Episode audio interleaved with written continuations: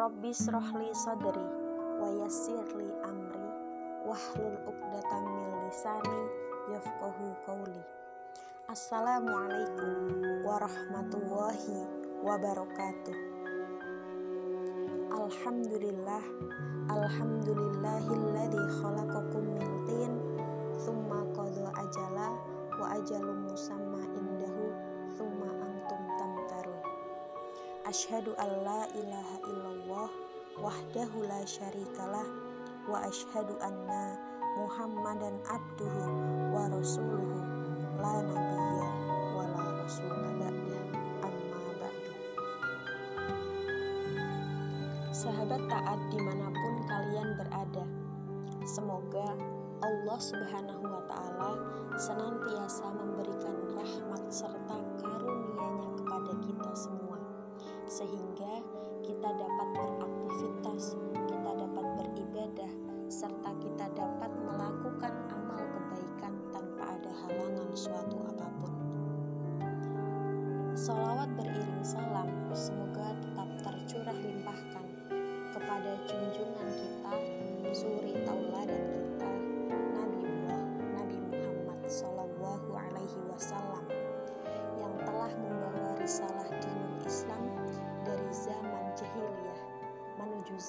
Islamiyah seperti sekarang.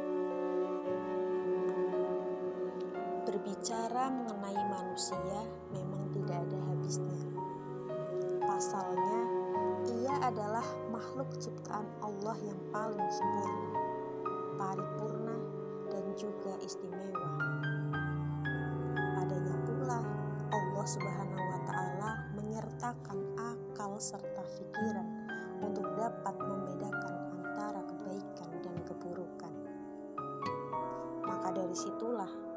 Allah Subhanahu wa taala memberikan amanat yang luar biasa kepadanya.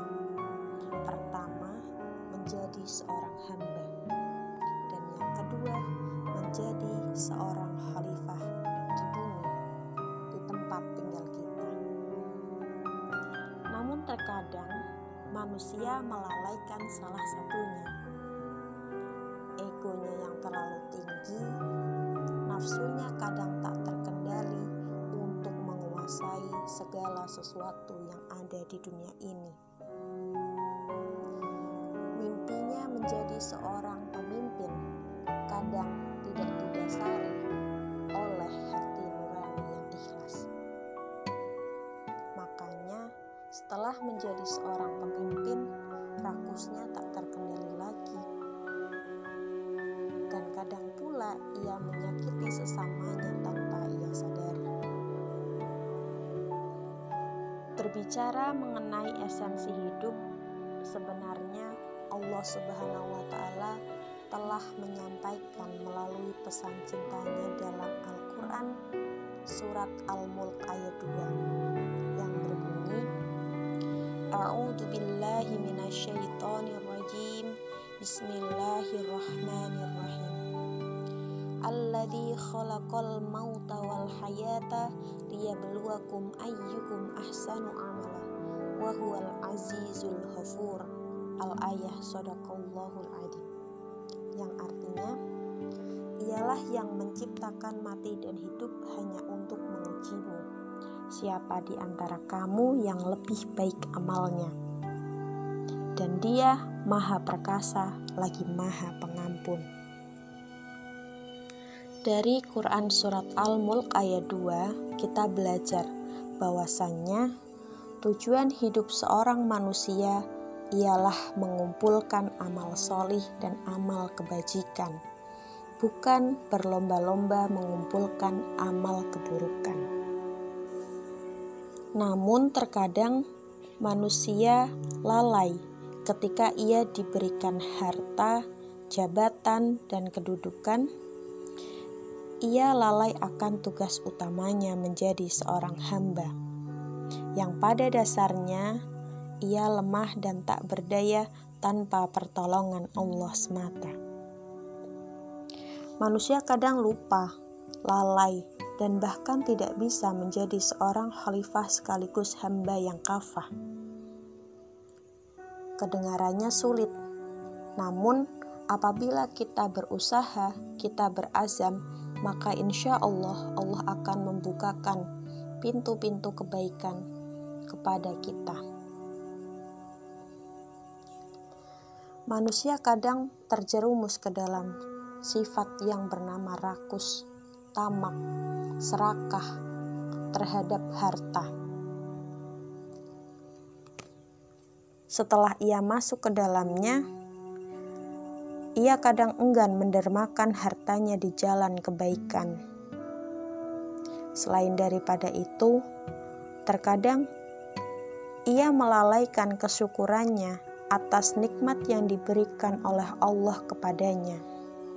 Padahal Allah Subhanahu wa taala telah berfirman di dalam Quran surat Ibrahim ayat 7 yang berbunyi A'udzu billahi minasyaitonir rajim Bismillahirrahmanirrahim.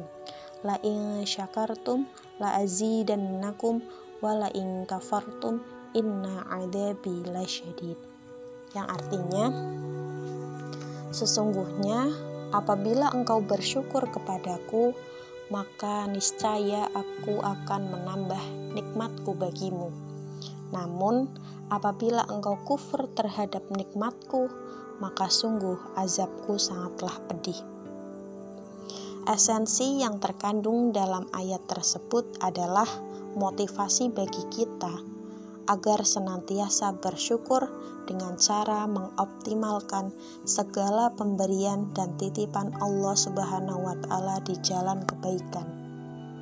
Maka sebagai seorang manusia biasa sudah sepatutnya kita berupaya menjadi seorang hamba yang patuh dan taat kepada Pencipta, dan menjadi pemimpin yang arif dan bijaksana untuk umat manusia. Sebelum saya tutup, ada satu pesan dari Ibnu Qayyim al-Jauziyah.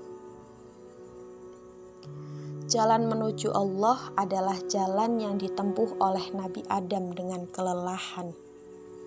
Nabi Nuh bermandikan peluh, Nabi Ibrahim dilempar ke dalam api, Nabi Ismail dibentangkan untuk disembelih, Nabi Yusuf dijual di penjara selama bertahun-tahun, Nabi Ayub dikucilkan karena penyakitnya, Nabi Musa dimusuhi oleh penguasa, Nabi Isa diasingkan dari kaumnya, dan Nabi Muhammad Shallallahu Alaihi Wasallam diusir dari tanah kelahirannya.